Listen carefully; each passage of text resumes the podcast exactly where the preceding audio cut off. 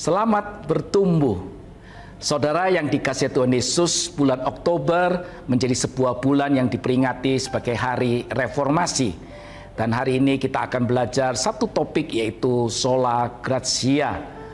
Hari ini kita akan belajar dari Efesus pasal yang kedua ayat 8 hingga ayat ke-9 yang berbunyi demikian. Sebab karena kasih karunia kamu diselamatkan oleh iman. Itu bukan hasil usahamu, tetapi pemberian Allah itu bukan hasil pekerjaanmu. Jangan ada orang yang memegahkan diri. Saudara yang dikasih Tuhan Yesus, sola gracia berarti Chris alone, semata-mata karena anugerah. Ini berarti sebagai orang Kristen percaya bahwa keselamatan dan pembenaran yang kita peroleh semata-mata hanya karena anugerah Tuhan. Itu bukan hasil usaha kita, bukan kerja keras kita supaya kita bisa melakukan perbuatan-perbuatan baik dan kita kemudian diselamatkan. Bukan sebagai sebuah upah keselamatan itu. Jadi semuanya karena anugerah. Saudara ketika kita membahas sholat gracia, maka kita tidak bisa melepaskan dari sholat fide. Hanya karena iman. Karena dua hal ini berkaitan erat dengan keselamatan hidup kita. Saudara sholat fide membahas bagaimana kita bisa diselamatkan. Dan di sini kontras atau perdebatannya antara iman versus perbuatan baik. Sedangkan sola gratia membahas dari mana kita memperoleh keselamatan itu. Keselamatan itu datang dari Allah semata-mata. Hanya karena anugerah Allah. Tidak ada jasa maupun andil dari manusia. Akan menjadi jelas lagi ketika kita mengkaitkan atau membandingkan antara pengajaran dari kalangan Arminian dan Calvinis. Dalam sola fide, kaum Arminian percaya bahwa manusia diselamatkan oleh iman. Tetapi ketika kita membicarakannya dengan sola gracia, akan ada perbedaan yang jelas. Yakub Arminius sebagai tokoh utama yang kemudian menjadi uh, gerakan Arminian berkata bahwa kelahiran baru adalah hasil dari iman. Sedangkan Calvinis berkata bahwa kelahiran baru adalah anugerah semata. Roh Kuduslah yang mendrive, yang mendorong iman kita sehingga seseorang kemudian percaya kepada Yesus atau berkata I believe to you.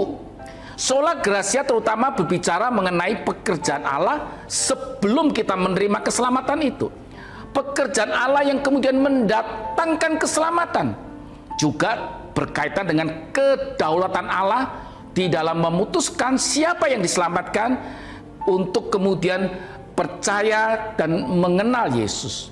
Itu makin jelas terlihat di dalam Yohanes pasal 6 ayat 44. Tidak ada seorang pun yang datang kepadaku jikalau ia tidak ditarik oleh Bapa yang mengutus aku.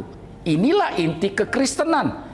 Bahwa kalau Allah tidak bekerja, Allah tidak menarik setiap kita. Tidak ada seorang pun yang mau percaya Tuhan Yesus. Tidak ada seorang pun yang datang kepada Tuhan Yesus. Dan ini dipertegas dalam Roma pasal 3 ayat 10 hingga ayat 11 yang berkata tidak ada seorang pun yang benar, seorang pun tidak. Tidak ada seorang pun yang berakal budi. Seorang pun tidak ada yang mencari Allah. Inilah namanya kasih karunia. Inilah anugerah.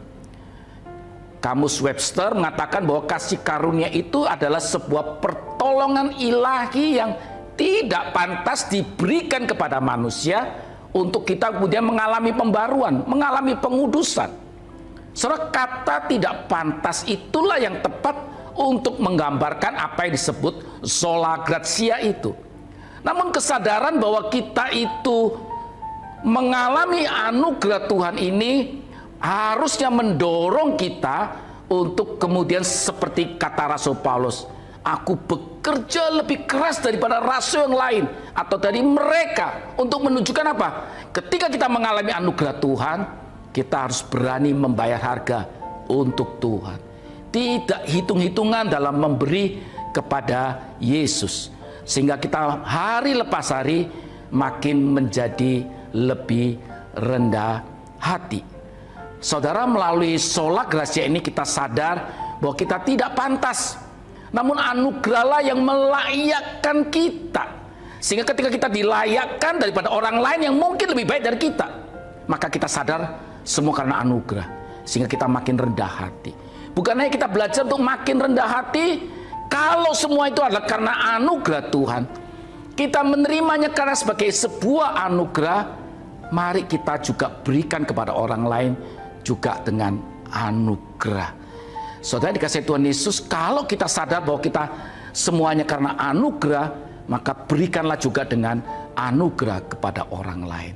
Sehingga kemudian kita akan bekerja lebih baik daripada sebelumnya. Kita memiliki etos kerja yang lebih baik, memberi yang lebih baik kepada Tuhan.